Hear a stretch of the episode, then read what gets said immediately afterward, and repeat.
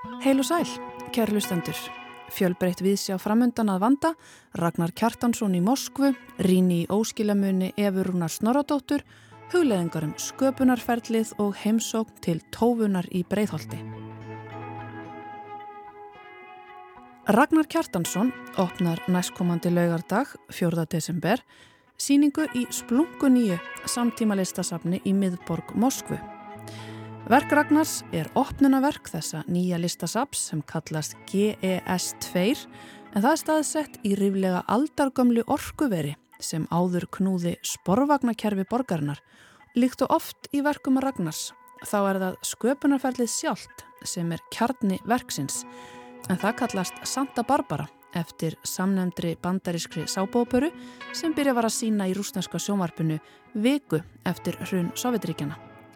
Verkið sem Ragnar vinnur í samstarfi við Ásu Helgu Hjörlefsdóttur, kveikmyndaleikstjóra, snýst um að endur gera Santa Barba sábópuruna í listasafninu með stórum hópi rúsneskra leikara og teknifólks.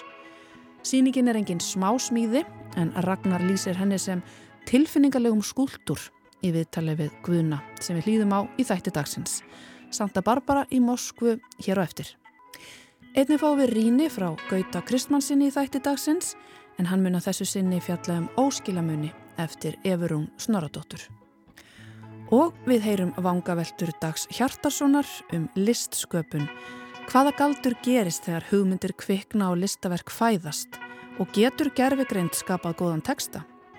Dagur leita svara við þessum gátum í dag til dæmis með því að gera tilraunir með höfundaverku Jóns Kalmans. Elín Sigurðardóttir og Guðfinna Jónsdóttir frá Hömrum voru báðar fættar fyrir það síðustu aldamót og búsettar í Þingaðsveit. Þorgerður Ása brá sér aftur í heimsók til Magnu Þurriðar Yngvarsdóttur sem heldur úti Facebook síðunni Tóvan, ljóða og fræðasettur og rindu þær í þetta sinn í ljóðabækur þessara þingasku kvenna. En við byrjum þáttin í dag á Ríni Gauta Kristmánssonar í nýtt Íslands skáldverk Óskilamunni eftir Efurún Snoradóttur. Eftirtektarvert hefur verið á undanförnum árum að fylgjast með því hvernig mörg tabú eða bannhelgar hafa verið brotnar. Sérstaklega í orraðinum kynin öll með tölu. Allt sem áður var sópað undir teppið í fáuðum bókmentum hefur komið upp á yfirborðið, ósminkað og kannski öðrandi fyrir einhverja. Það hefur tekist að breyta orraðinu þannig að fólk sem áður var á jæðrinum er komið inn í miðjuna. Bókmyndir hafa löngum fjallaðum jáðarsett fólk, fátakt og öðruvísi. Konur fengur sitt sérherbyggja 20. öld, en á þessari er það kynsegin fólkið sem hefur komið inn úr skugganum, inn í miðju kervisins og því bera fagna. Bókin Óskilamunir eftir Efurún Snorradóttur er sapn af smásögum, nánast örsögum, sumum, aukljóða og ljósmynda. Bókin hefst nánar á þremur ljósmyndum af friðarlilju þar sem bataferli hennar eftir í vökun er skrásett. Og einn sagan ber einmitt heiti þessar ágætu plöntu og segir einmitt frá slíku bataferli meðal annars. Plöntur eru raunar eitt af merkingarsviðunum sem tengja söma sögurnar saman þótt ekki sé gott að sjá beinlinnís hvernig. Þær hafa samt einhvern veginn uggandi áhrif á sögukonuna sem segir frá Fyrsta sagan er frátalinni nokkus konar skáletraður formáli örvendingar konu sem vaknar upp í fangi aldraðs barþjóns. Fyrsta sagan eftir myndirnar af friðalílinni er einmitt um ferð á blómasýningu, þar sem sögukonan og eiginkona hennar eru kynnta til leiks, svo maður segja. Því ég gerði því skóna að fyrstu personu frásagnirnar séu allar saða frá sjónarhóli sömu konunar. Þessar frásagnir myndu mig dálítið á reynslu sögur, þótt í mörgum megi finna fínan skaldskap. Ég haf vel dálítið klassískar smásögur með vendingu í lokin sem kemur óvart. Í næstu sögu Kvítur hestur kemur í ljósa söguröttinni frá listakonu komin og það er annar þráður í þessum sögum. All margar snúast um samkomur listamanna, ráðstöfnur eða listaháttíður. Það er að vísu engin beinlinnins Kvítur hestur í þessari sögu en hann dukkar upp síðar í bókinni eins og ími skærudýr sem oft er sagt frá með skondnum hætti. Aðra tengingar snúast um kyn usla flækjur að koma út úr skápnum, flókið samlið með eiginkonunni sem leitar út fyrir hjónabandið og síðan átök í sambandinu, skilnað og fleira. Eftir lestur bókarinnar fannst mér þessi þræðir ganga ágjalla upp, þótt ég sæði það ekki í byrjun. en sagan skilur eftir sig mynd á konu sem er að takast á við sjálfa sig, umhverfið og tilrauna mennsku yngri árana þegar allt er óljóst og óákveðið. Sem dæmi má nefna endireil ferðalag sögukonunar en margar sagnana snúast um ferðalög. Söguhöttjan er oft in transit eins og sagt er á ennsku og undirstrykar það breytingar umskipti í sálalífi hennar, trú ég. En þetta er stundum gert af kíminni kaltæðinni eins og ég þeirri sögu sem kallast síðasta ferðalag tannana og hefst á að sagt er frá því að taka þurfi úr sögukoninni endajagslana eða vísdómstennurnar eins og þær voru áður kallaðar. Sársauki er nefnilega líka enn önnur tengingin millir sagna og myndar eitt þráðin í vefnum.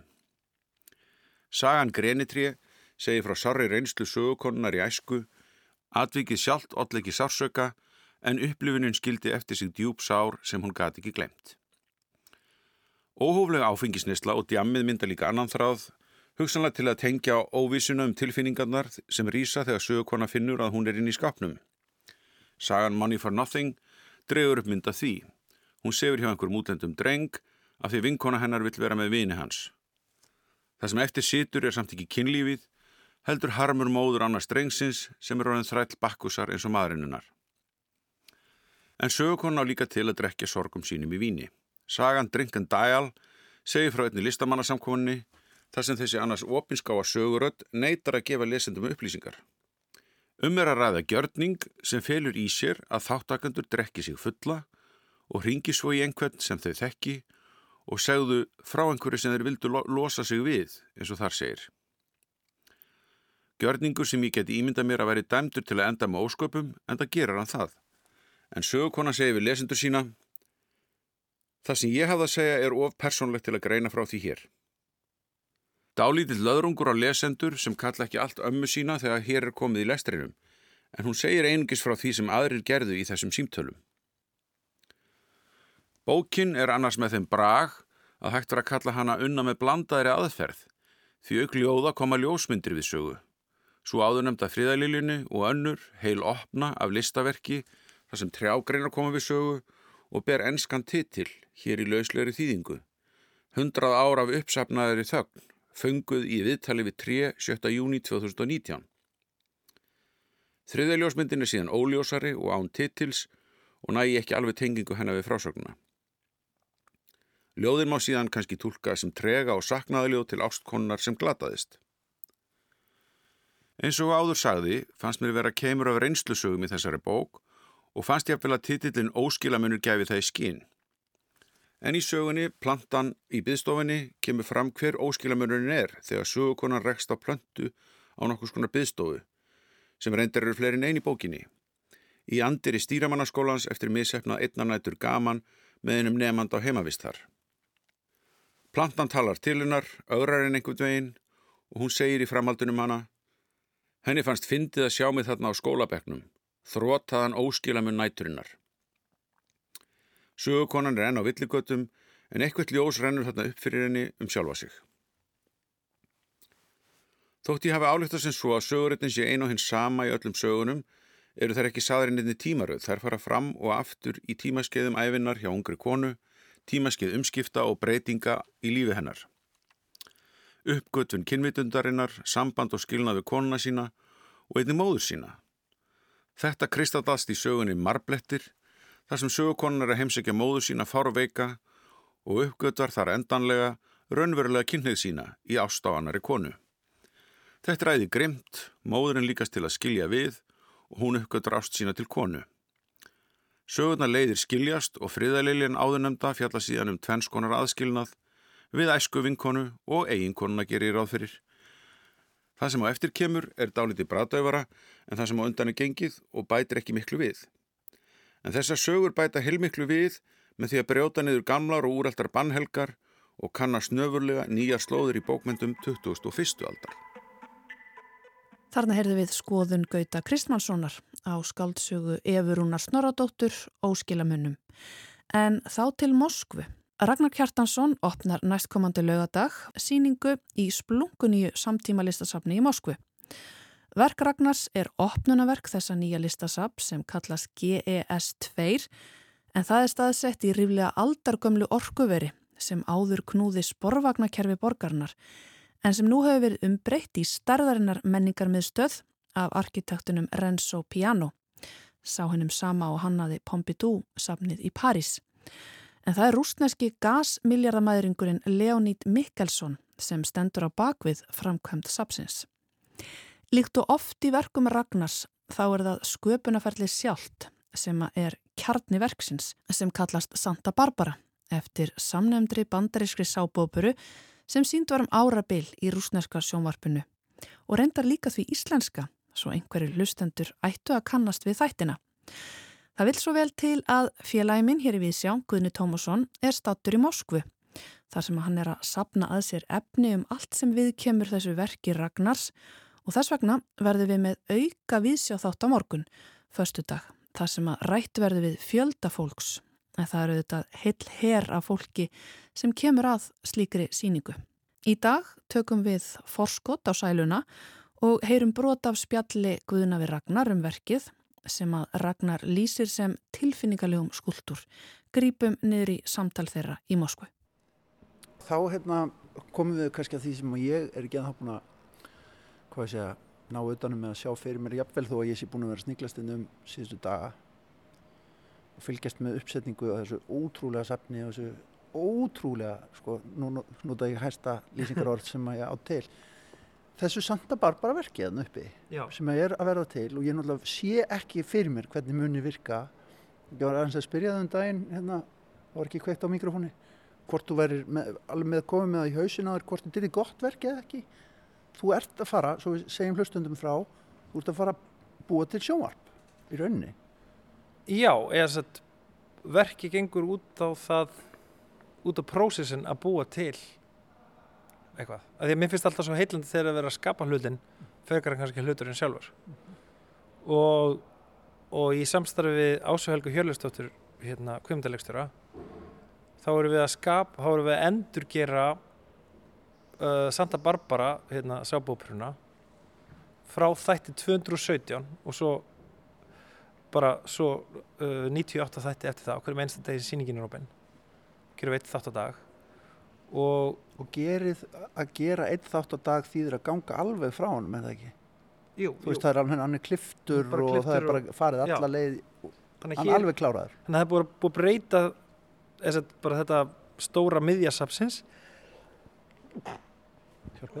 stóra, stóra miðjasapsins ég sko, já ég nerrastöðu þetta er bara já. ekki engar okkur en stóra miðjasapsins er bara það búið að breyta því í kvimdaver og í rauninni er þetta verk mjög skilt hérna örverki sem heimsljós sem er hérna sýnt líka það sem að við vorum bara hérna vinahópurinn, vorum bara breytt um safni í kvimdaver og reyndum að kvikmynda ultimate íslensku skáldsöguna heimsljós. Hér er við þetta hér er bara hópur af rúsneskum leikurum, tæknumönnum og tónlistarfólki og búninga og hérna leikmynda hérna fólki að endurgera þess að þetta, endurskapa bara ameríska sábóperu, rússar að þykjast vera amerikanar og, og tala rúsnesku og, tala rúsnesku mm. og ég bara rakst á grein. Og mér finnst það svo ótrúlega áhugaverð um að það var í rauninni bara ekki hægt að skilja nútíma Rúsland nema út frá nema út frá því hvað Santa Barbara hafi mikil áhrif. Að þetta er sábóperu sem að byrja að sína viku eftir fall Sovjetríkjana og hérna á bara besta tíma í sjónarpinu klukkan hálf nýju og alla, öll fjölskynna satt sem limt yfir þessu. Og þetta varð í rauninni kynning, ég menn bara, bara við erum að tala um sósialist ríki, við erum að tala um sovjetríkin það sem bara fólk var að spila skák og lesa ljóð og, og í sjónvarpunum voru þættir um, um, hérna, um verkfræði. Mitt. og svo bara skemmtilega bara sinja sovjetríkin og, og bara í þættinum er bara, ína í sjónvarpunu er bara Santa Barbara sem er náttúrulega bara svona eins og turbo útgáfa af kapitalismannum og hérna bara hvernig hann lítur út hver eru sko hver, hver eru hinn sko móralsku hérna viðmið mm -hmm. og þetta bara þetta hafði mjög djúb áhrif á rúsneska þjóðasálf vilja sumum meina ja. og svo er þetta bara líka ókslega skemmtileg og hérna þannig að og þú veist, já, ég las þessa grein og svo, við, svo er hann Misja sem að gerði, þetta byrjaði að hann Misja Frídmann gerði ljósmyndir. Hann er hérna, uppalega rústenskunum býr í bandarækjanum og, og hann fór að taka ljósmyndir af bæjum þess að hverfum út um öll fyrirhundi Sovjetrikinn sem heita Santa Barbara. Mm. bara maður sko stimplar inn á Google Maps á með kýrlísku leitar Santa Barbara og það bara fullt af stöðum út um allt sem heita Santa Barbara. Og hann að fór að byrja ljósmynda þessa staði upp úr þessum ljósmyndum var þessi grein sem ég sá. Og það ákveða að kýla á þetta verk. Og síðan setti hann sig í samband og nú er við, hann er síðan svo sem er, að dokumentara verkið í ljósmyndum og vinna með þér. vinna með mér, já. Og Þannig að það sem að, það sem að verki er í rauninni, þú veist, þetta er bara, þú kemur inn í safnu og þá er bara þessi tilfinningarlegi skuldur. Þú veist, þú bara sér það er bara leikarar, teknifólk, allt á miljón hérna og það er bara alltaf verið að leika stóra senur. Og það er náttúrulega, því að Santa Barbara er náttúrulega líka bara, hver einasta sena er bara svona hún er næstuð eins og svona white noise af tilfinningum, það er allt skrúað í bot sko. Og hérna og sem er bara einhvern veginn eitthvað bæði fyndið og fallegt og eitthvað, þú veist, það er svona eitthvað svona, eitthvað harmarænt og stort í öllu saman. Og, og, og það er síðan bara hver einstu dag eru tekinn og settur á settur upp, upp, í, upp í skjái sem er á efrihæðina sem er svona hægt og rólega verð, verður þetta vídeo sérst hvað við tökum upp mikið af þessu. Þannig að í rauninni í lokin verður þetta bara svona e, e, ógeðslega langt listaverka sem bara er hérna, þáttur eftir þátt að Santa Barbara. Og við tökum í rauninni alltaf bara eina tök af öllu þannig að mistök eru líka bara mjög vel þeginn og, og allt rugglið sem gerist við að taka eitthvað svona upp. Þannig að þetta er svona, þetta er svona, þetta er svona smá smá náttúrulega flókið að útskýra þetta en þetta er í rauninni bara eins og þú veist, hér eru bara einsafnu eru rúsneski leikarar að leika Santa Barbara en um leið eru þeir líka að leika sína eigin sögu. Og leika það hvernig þetta land til, í þeirri mynd sem það er í dag var til. Þetta er rauninni þetta er rauninni svo svona bara fæðingasaga hérna, eins nýja Rúslands sko Nú veit ég alveg að þessi nálega saga hérna, hún er rosalega umdelt sumum finnst eitt um tíunda áratögin hérna í Rúslandi og Já. öðrum annað. Uh, eh, Fossutin Putin til dæmis, hann, hann horfir á tíunda áratögin sem bara eh, ömulagt tímabil af því að hann tekur jú við um aldamót og þá fyrir alltaf byrsta til hans, í hans hugreim allavega. Þetta er hans útgáfa af þessu. Sko, til dæmis eins og það að koma með þetta dæmi að, hérna Santa, bjóða upp á Santa Barbara hérna. Þú helst kannski að það væri það viðkvæma er það ekki? Þannig að þetta er virkilega hlaðið. Þetta er virkilega hlaðið en þetta er heldur sko þú veist ég held að þetta sé hlaðið á á sko einhvern veginn þú veist á þann ég, ég, ég, þú veist vissið er þetta allt í lagi í rauninni. En þetta, veist, þetta er einhverju leiti viðkvæmt og þú veist, já, það, já, þetta er bara svona, það er smá erft að puttan á það. Veist, og, það, og það er það sem ég líka það sem ég er listast ánæðið með. Þú veist, að ég vil alltaf gera verk sem ég get ekki alveg sett puttan á hvaða þið eru. Mm. og þú veist og það er sko að ég veist, ég raunin náttúrulega fjallar þetta ekki bara eitthvað um Rústland og Rústnenst þetta er bara, þetta er bara um, þú veist, þetta er bara um okkar sögu þetta er bara eins og ég minna bara, þú veist, þetta tímobil og það sem gerðist, þetta er náttúrulega bara eitthvað það stærsta sem gerist bara í manns hérna, æsku þegar bara Sovjetríkin rundu. Veist, þetta hafði árið út um allan heim. Og, já, og mér, finnst, mér fannst bara þessi nálgun vera svo rosa áhugaverð á sko hvað popmenning og hvað hluti sem verðast ekki skipta neina máli, skipta ótrúlega miklu máli.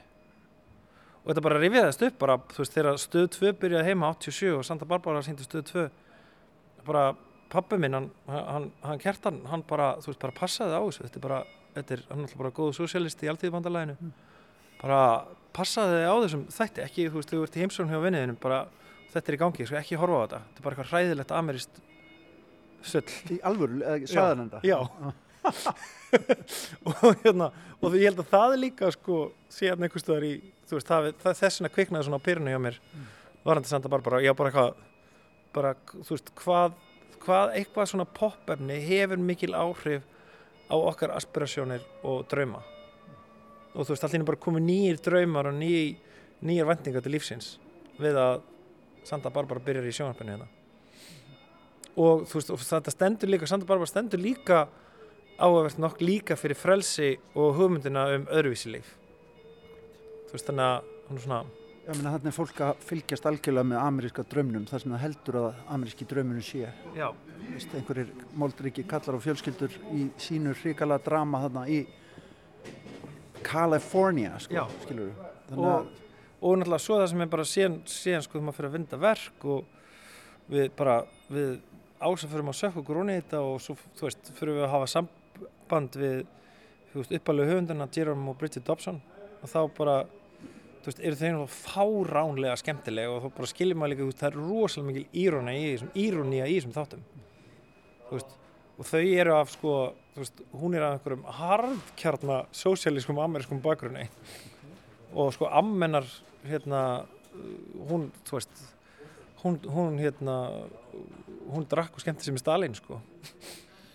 Og hérna og síðan sko og síðan var sko hann Jerome Dobson hann sagði, þess að bara svo kom það ótrúlega í ljósa að hann sagði þess að, að sagði okkur að þegar hann var að læra í Stanford háskólanum bara sem ungu maður og þá var hann svona mentor, gamall kall sem var alltaf að vinna á bókasamninu að skrifa. Fylgdi honum alltaf heim á kvöldin hann, hann Jerome, fylgdi þessum gamla manni og þessi gamli maður var Alexander Kirinski sem að er maður sem stifti Nikolas öðrum á stóli og satt hér við völd í Rúslandi í átta mánuði þannig til að bólsögugarnir gerðu oktoberbyltinguna þannig að þetta var svona að ég, fekk bara smá gæsa þú sko þegar að bara ég áttaði mig á þessu. Þú veist það er einhvern veginn enga tilvílanir hérna. Og bara eins og þú veist menn grínst hérna með núna bara já þetta var bara þú veist þetta var bara atomsprengja sem að sem að Kirinski kom á stað því að hann, hans metnaður all, allt hans líf var að reyna að knisitja bólsevíkana í Söðuríkanum hann knisitjaði með hugmyndunum sem hann setti í hausin á litla Jerome Dobson sem að gera síðan Santa Barbara og sem endalega stútaði, stútaði kommunismannum skildi ekkert hvert þú varst að fara núna. Eða, það eru svo margar einhvern veginn, þetta er alveg svona einmitt, þetta er svona mjög veist, það er svo, það veist, það er svo margt sem tengist þessu ákveð fyrðulega ná bara í rauninni eins og bara hvað sem maður setur fram þá bara byrja, þú veist, þú setur eitthvað fram þá bara byrjar það að vera svona eins og einhvern veginn bara þess að eitthvað, eitthvað sem setur út í frost og það fyrir að bindast við það bara frostrósir í allar áttir og einhvern veginn Já, þetta er bara, einmitt. já, einmitt, bara einn og bara munna að fara á frostrósa tónleikana þeir Var þetta auðvitað? Herður Ragnar, eh, við, við munum eitthvað að fá að fylgjast með þér hérna og fjöllum aftur um þessa sýningu bara eftir helgina. Þetta er leikið á fimmtudegi, held ég. Já. Ég, ég veit ekki, ég var hann daldur reglar Já, núna erum við nýbyrjuð í þessu viðtali. Já. Já, Við við, fyrir senna ljúka. við vorum bara að byrja og þetta geti bara geggjað að taka upp Santa Barbara. Nýst svo ertu náttúrulega ruggla núna þegar við erum minna svo bara þetta er bara svona veruleiki sem byrjar eftir fjóru daga.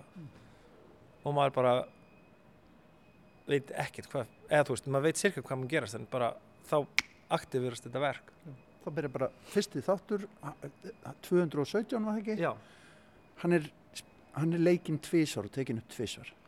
ég sko, við tökum hann upp á á svona, uh, það er svona generapröfa þann þriðja, þá tökum við upp þá 217, bara svona að æfa alla verkferðla og bara þú veist, bara hver snúr er þessi snúr tengd inn í þennan monitor og da da da da da og allt það og bara þá lærum við ógæslega mikið af því þá, við, þá tökum við þann þátt upp aftur núna 4. desember og þá er ekki þetta snúð, þá tökum við upp þá 217 svo 5. desember, þá 218 7. desember, þá 219 7. desember 220 og svo bara hverjum einasta bljart degi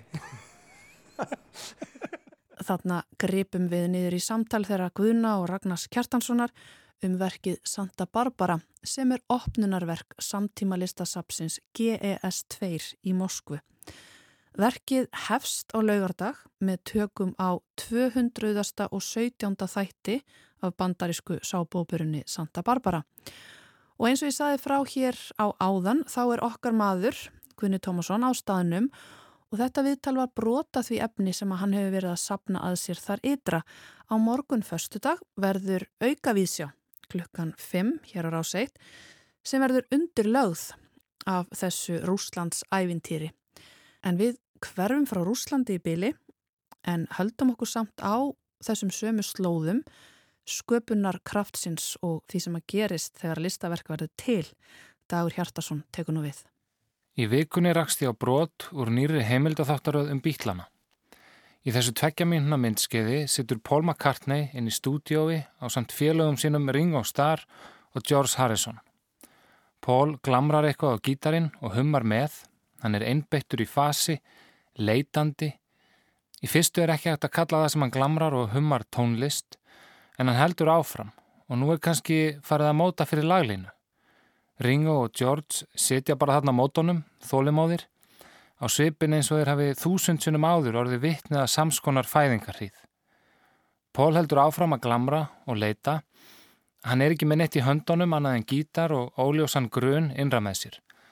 Það virðist einhvern veginn ekkert í gangi en svo, allt í einu, fyrir að móta fyrir einhverju.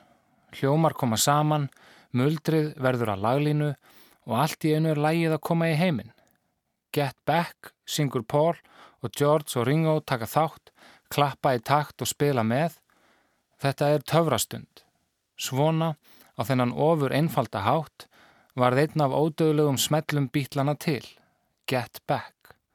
Og nú getum við hort á að gerast og í leiðinni mynd okkur á að list, hvort sem hún er góð eða léleg eða ódöðleg snild, þá sprettur hún fram einhvern veginn svona. Manneskja leitar og leitar og svo sprettur laglina fram ekkert megin úr engum stað. Listsköpun hefur sannlega verið kraftaverkastökk í þróunarsögu lífs á jörðinni og er ennað stórum hlutar ágáta. Hvað gerist þegar ljóðlínu slær niður eins og eldingu í höfði skáldsins? Ég veit ekki til þess að rannsóknir í tögafræði hafa útskýrt það. Allir sem hafa reynt að skapa list og ekki endilega ódöðlega list þekkja augnablikið þegar eitthvað gerist. Stundum eftir mikla áreynslu og erfiði en stundum að þér virðist að sjálfu sér, óverðskuldað. Og þegar það gerist er það alltaf dálítið kraftaverk. Eitthvað verður til úr engu, berst að úr að þér virðist engum stað. Það eina sem er víst er að sá dularfulli staður er innra með mannesku af holdi og blóði. Eða þannig hefur þetta allavega verið hinga til. Það kann nefnilega vera að í framtíðinni og líklegast í mjög nálægri framtíð verði það enginn sérstök ráðgáta hvaðan orðin í bókunum sem við lesum spruttu. Hitt aftur á móti, hver höfundurinn er og hvort hann sé yfir höfu til staðar, það geti átt eftir að fara á flott, verða að ráðgátu. Í júli árið 2020 stopnuðu bandarækjamennir Amit Gupta og James Yu fyrirtækið og vefsíðuna Pseudo-Write, skrifað S-U-D-O Write, ekkurs konar afbökun sem ætti útleggja sem gerfi skrif. Þeir félagar eru fjárfestar og frumkvöðlar en hafa líka skrifað vísindaskáldsjóður og það voru skrifin sem leitu til þess að þeir fengu hugmyndina að Pseudo-Write. Sudorætt leysir mörg vandamál ritthöfundarins. Það vil annar stopnendana Amit Gupta meina. Að sitja við liklaborðir getur verið einmannaleg yðja. Maður hittir félagana í ritthringnum kannski einu sinni viku, segir Gupta. En við vildum bú eitthvað til sem geti verið eins og skapandi félagi sem situr við hliðjar við skrifborðið. Svo þegar þú lendir í klemmu getur þú snúið ráðanum og sagt Herðu, ég er í smá vanda. Þetta er ekki að ganga, getur þú komið með nokkrar hugmyndir fyrir mig? Gupta segir Sudorætt vera lausn við rittstýplunni. Höfundurinn mun ekki lengur þurfa að hamast á rittvelinni og kreista út úr sér orðin, en það finnist ritthöfundum það oftast frekar leiðilegt, segir Gupta.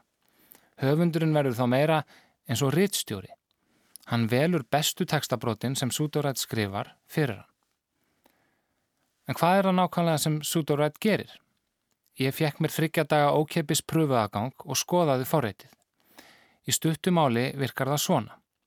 Við er blasir textakassi, þar setur þú inn textan sem þú vilt vinna með, að lámarki 50 orð, Þetta getur verið fyrsti kapli í skáltsögunniðinni eða samtal sem þú ert í vanda með eða bara hvaða teksti sem er. Svo ítir þú að taka sem kallaður er wormhole, ormagöng og þá byrjar forritið að hugsa. Eftir eitt augnablík byrtast nokkrar uppástungur að textabrótum sem gætu verið framhalda því sem þú skrifaðir. Forritið byggir á GPT-3 gerfigreindinni sem er opinn og ókeppis gerfigreind sem hvaða forrit sem er getur nýtt sér að uppfylltum skilirðum.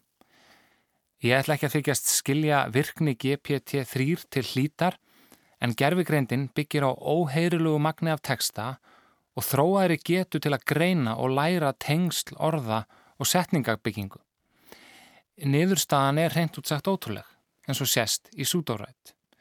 Vélinn getur þannig búið til texta sem er ótrúlega nálagt andblæð textans sem unnið er út frá hverju sinni.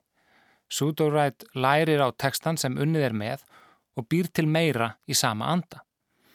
Ef þið langar til að skrifa eins og Frans Kafka eða Virginia Woolf, þá getur bara matað vélina á textabrótum þessara höfunda og nota það sem gerfigreindin spýtir út úr sér.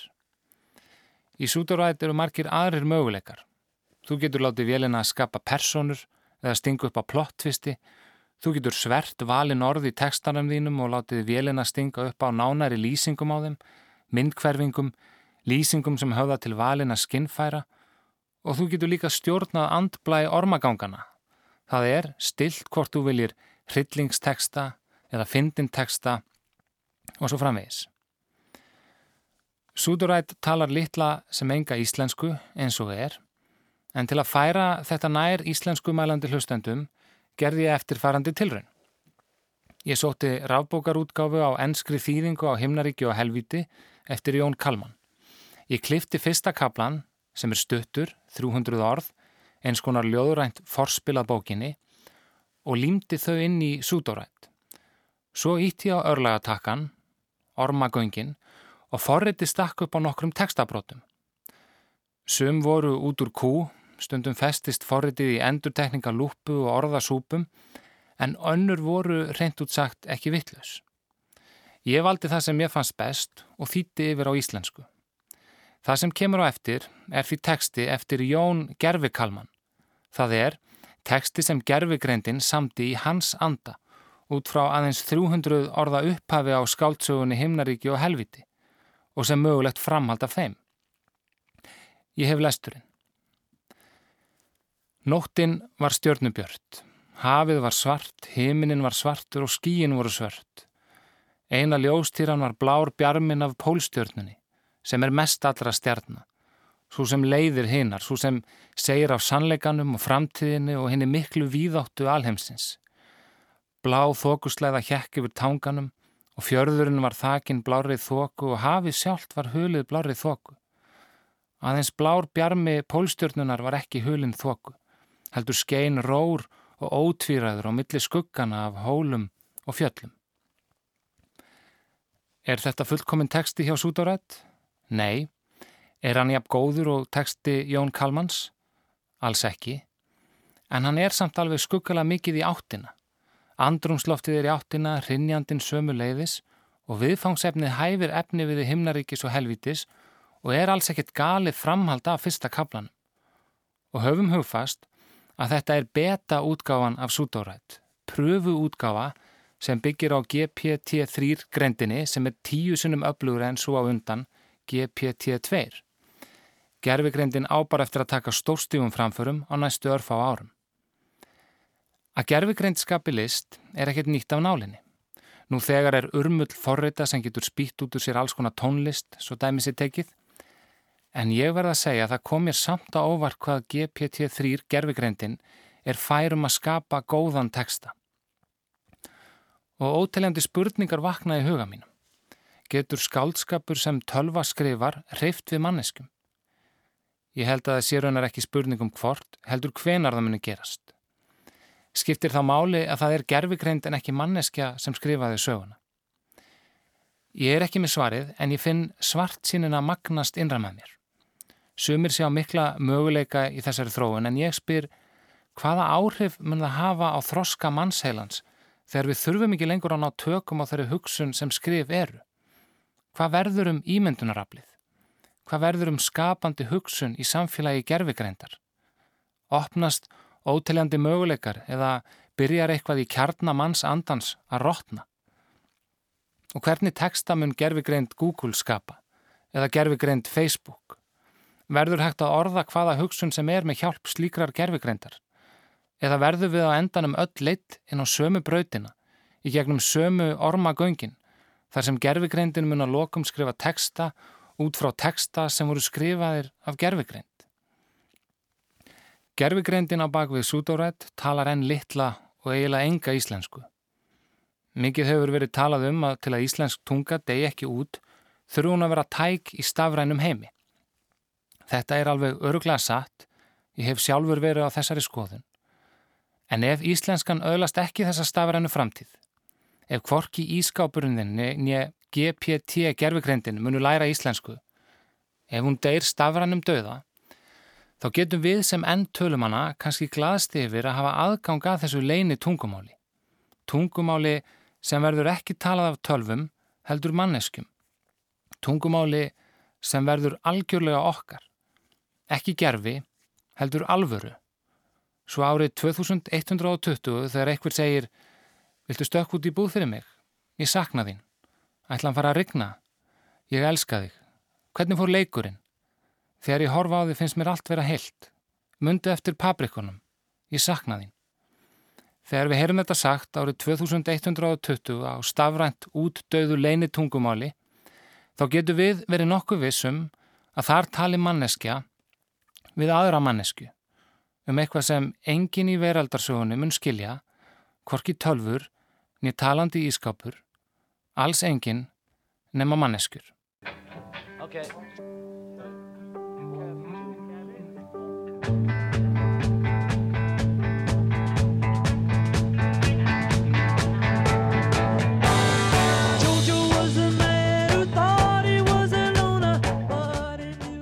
Lægið Get Back með bítlunum sem að var til nánast eins og fyrir galdur upp úr engu í stúdiói í Breitlandi árið 1969. En frá göldróttum tónlistarmönnum á sjötta áratug síðustu aldar í Breitlandi förum við yfir í göldróttar skaldkonur, þar síðustu aldar í Þingiðasíslu. Við fylgjum nú Þorgerði Ásu í Efribyðir Reykjavíkur þar sem að tófan heldur til. Magniða Þurriður Yngvarstóttir sem að vekur aðtikla á ljóðum skaldkvenna frá 19. öld á Facebook og hér í Vísjá. Já, ég er gaman að sjá því. Mér langar svo að vita hvort þú hefur heyrt af Elinu Sigurðardóttur. Nei. Skaldkonu. Sko, Elin, hún var fætt á hriblu, var við handavinnin á mig kaupmanöfum fyrsti kennarinn á Langanesi bjó í skemmu sem var kallað Skvöðmyndarhús á Langanesi. Fekk bergla og bjó lengi á Hessingarhælinn Kópói mm -hmm. Frá Hriblu, ætlum það að veri skildi Jónasi frá Hriblu Þetta hafi verið eitthvað skild sko. Það má kannski komast að því. Elin hún gáð bók 1936 hún var fætt 1873 og deg 1938 þannig að hún er að gefa út ljóðabók bara rétt stutt á hún fellur frá. Og hún hérna gefur hún út sjálf. Gefur hún út í Reykjavík 1936 félagsbremsmiðinni og þetta er bara lagleg og fallið bók. En það er Já. svo skemmtilegu formáli í henni. Mér finnst svo gaman að lesa þessa formála sem er í bókunum.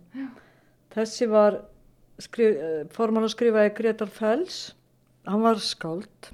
Gaf út fullt á ljóðabókun og er bara þekktur meðal Ljóða unnenda Ljóða unnenda Höfundur þess, hann segir svona Höfundur þessara kvæða er sjúklingur í hressingarhælinu í Kópói og hefur dvalið þar hínar í nýju ár. Hún hefur verið rúmföst við allan þann tíma eila. Misti hún helsuna rúmlega 30 og nú þegar þessi bókur gefin út ára nánu 63.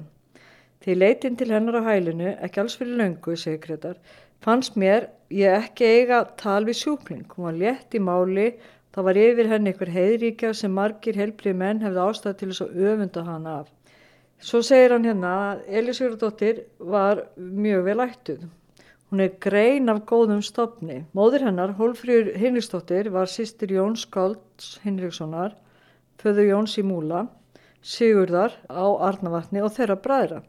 Í föðurætt er hún skild Hermann Jónasinni alþingismanni og rýðtöfundi frá þingurum. Svo segir hann hérna, það er eftirtækt að verðt við hvað þessara konu að þar kennir engra lífsbesku þó oft hafi efni staði til. Hún hefur aldrei látið, kemur brot og ljóði, skuggan sker úr því hvað hjartan er hotlast heiminum í. Fallavert. En svo kemur hérna í lokin, Eli Sigurðardóttir sendur nú frá sig hvæði sín þessi andluðu börn sem er af holdi hennar og blóði og mér finnst mörg af þeim vera indisle börn sem koma hoppand og hlæjandi upp í fangi á lesandunum. En önnur koma með tár í auga. Ég er vissum að Ísleitingar taki þeim vel og hafi indi af að kynast þeim. Þessum óskabörnum hennar lífsrendu og lífsböku konu í Kópói. Reykjavík 20. september 1936, Gretar Fells. Skemmtilegu formáli hjá hann. Og svo eru hérna bara hellinga skemmtilegum ljóðum og ég veit ekki, ég var að fara hérna með fyrsta ljóði. Kanski þú farið með það, þú fer svo vel með. Ó, takk fyrir takk. Vonin, á veikri líftaug vonin mín hjarir, hún kemur aftur áður en varir. Hún veit að engir býða þess bætur ef hól klaki leggst við hjarta rætur. Hún kemur svo viki vetur og klaki með vor og söng í vengja blaki. Þar er hún komin sem þráði eg og unni með lítið fagurt löfblað í munni. Já, þetta var Elín Sigurðardóttir. Ljóðbókin hennar er sko alveg 90 blaðsjöður og hún er yrkir svona freka knaft, knappljóð, stutt og svo hérna þetta endur spekla svolítið það sem hann var að segja, hann gretar hérna. Í formálarum. Já. Í veikindum.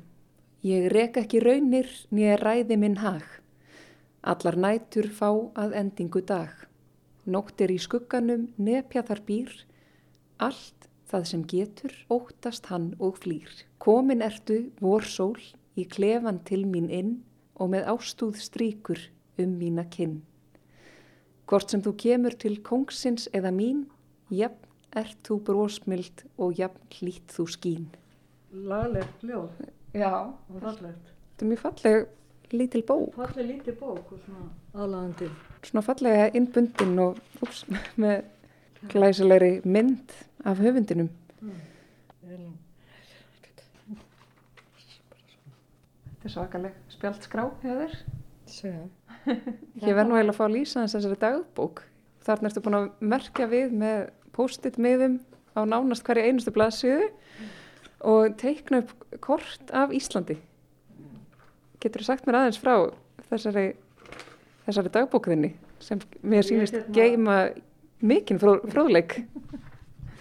Þetta er bara, hérna, þetta er bókaldið mitt, bókabókaldið. Þetta er sem sagt til að halda utanum hérna hver einustu skáldkonu. Þá setti ég bara hérna inn amalistagana, fann það náttúrulega bara hérna í ofinbjörnum plökkum. Sí, síðan til þess að átta mig á því hérna hvað væri margar og hvað þar væri þessar skáldkonu. Það bjóði bara til lítið kort af Íslandi og, og skrifa upp alla síslunar eins og er hétur í gamla daga.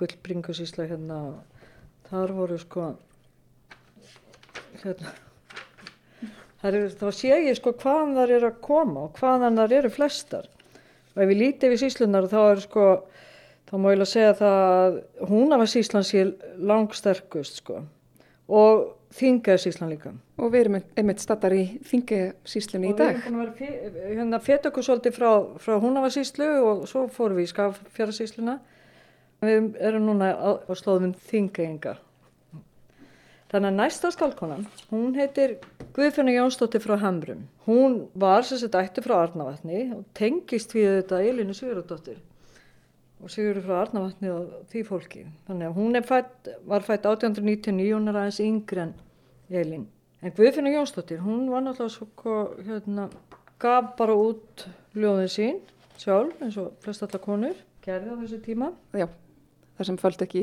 ljóðin sín onni í skúfu. Það sem ekki brendur ljóðin eða földu, sko. Já, akkurat.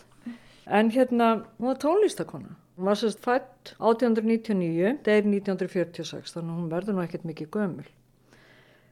og hún tittla sér frá hömrum en hún fæðist á Arnavatni í Mývatsveit og flytur setna að hömrum og ég ætla að lesa hérna smáfyrði sem að fann hérna heimild í ljóðabókin Íslensk ljóð sem bókaútgáð menningarsjós og þjóðvinnafélagsins gaf út. Þetta voru sérst Íslensk ljóð frá 1944 til 1953.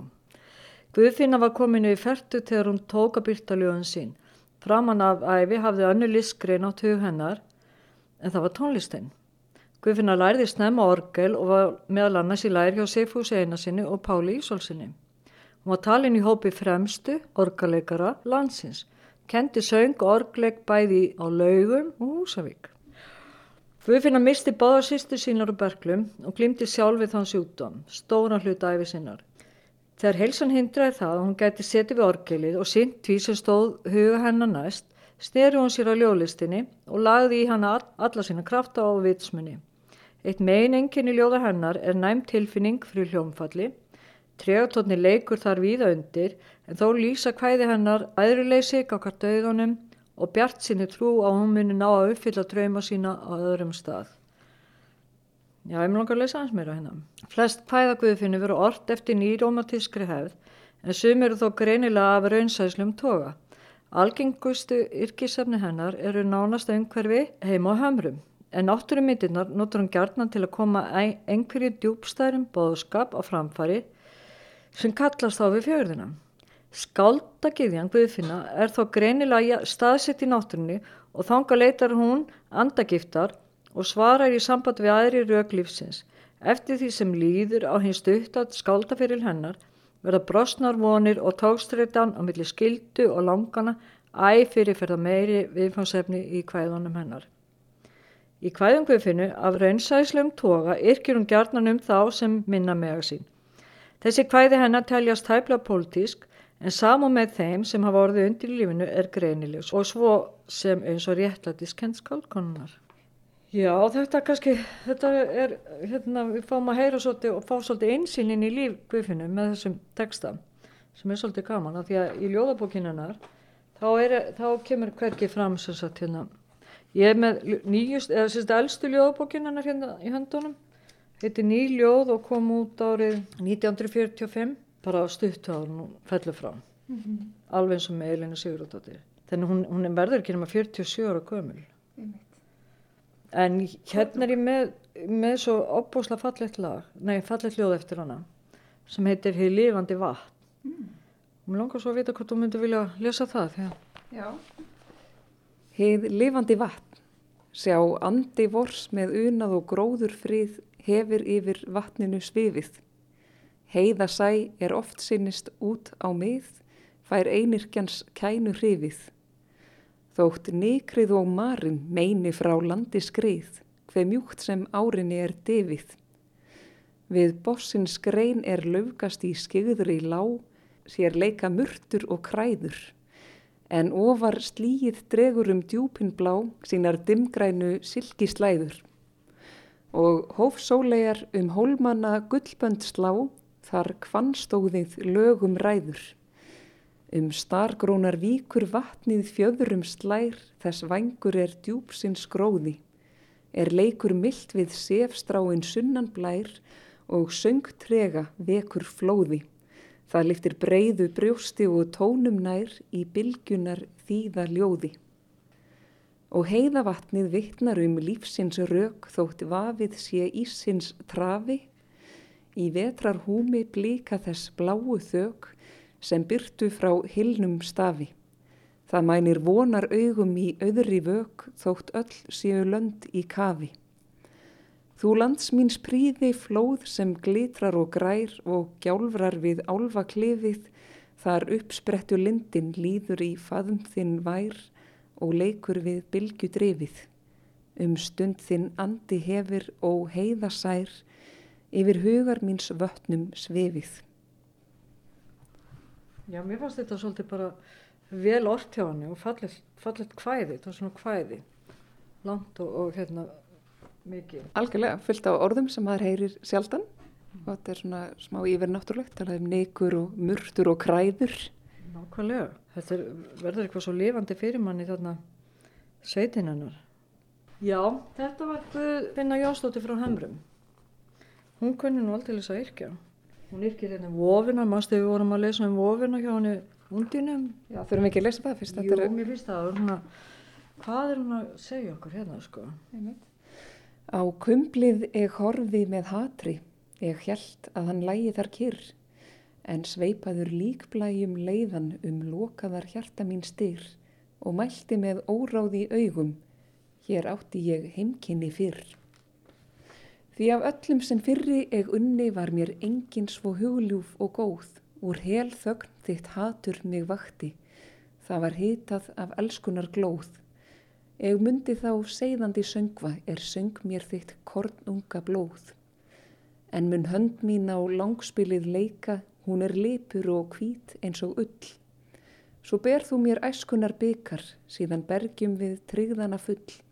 Eg mun fylgja þér dapur og dauður því draugur er trúr eins og gull. Og sattmælir elskugin aðeins er hann aftur frá gröf sinni snýr. Nú er brjóst mitt sem kumplið hið kalda, jafnvel kvölin og sorgin mig flýr. Aldrei vorljóminn fögnuð mér vekur því að vofa í hjarta mér býr. Þetta er svona eitthvað, eitthvað raunsa í þessum ljóði. Man er að hugsa til djóknans á Myrká. Já, nákvæmlega. Kallast það við það líka. Þetta er allavega hérna, þetta er fallega orð þetta séum einhverja hel þögn. En hún er svona á öðrum slóðum en, en undina þó að Já. ljóðin beri sama heiti. Já, nákvæmlega. Já, Já. þetta var Guðfinna Jónsdóttir frá Hömrum. Já. Takk fyrir að kynna mig fyrir henni. Já, það er góð.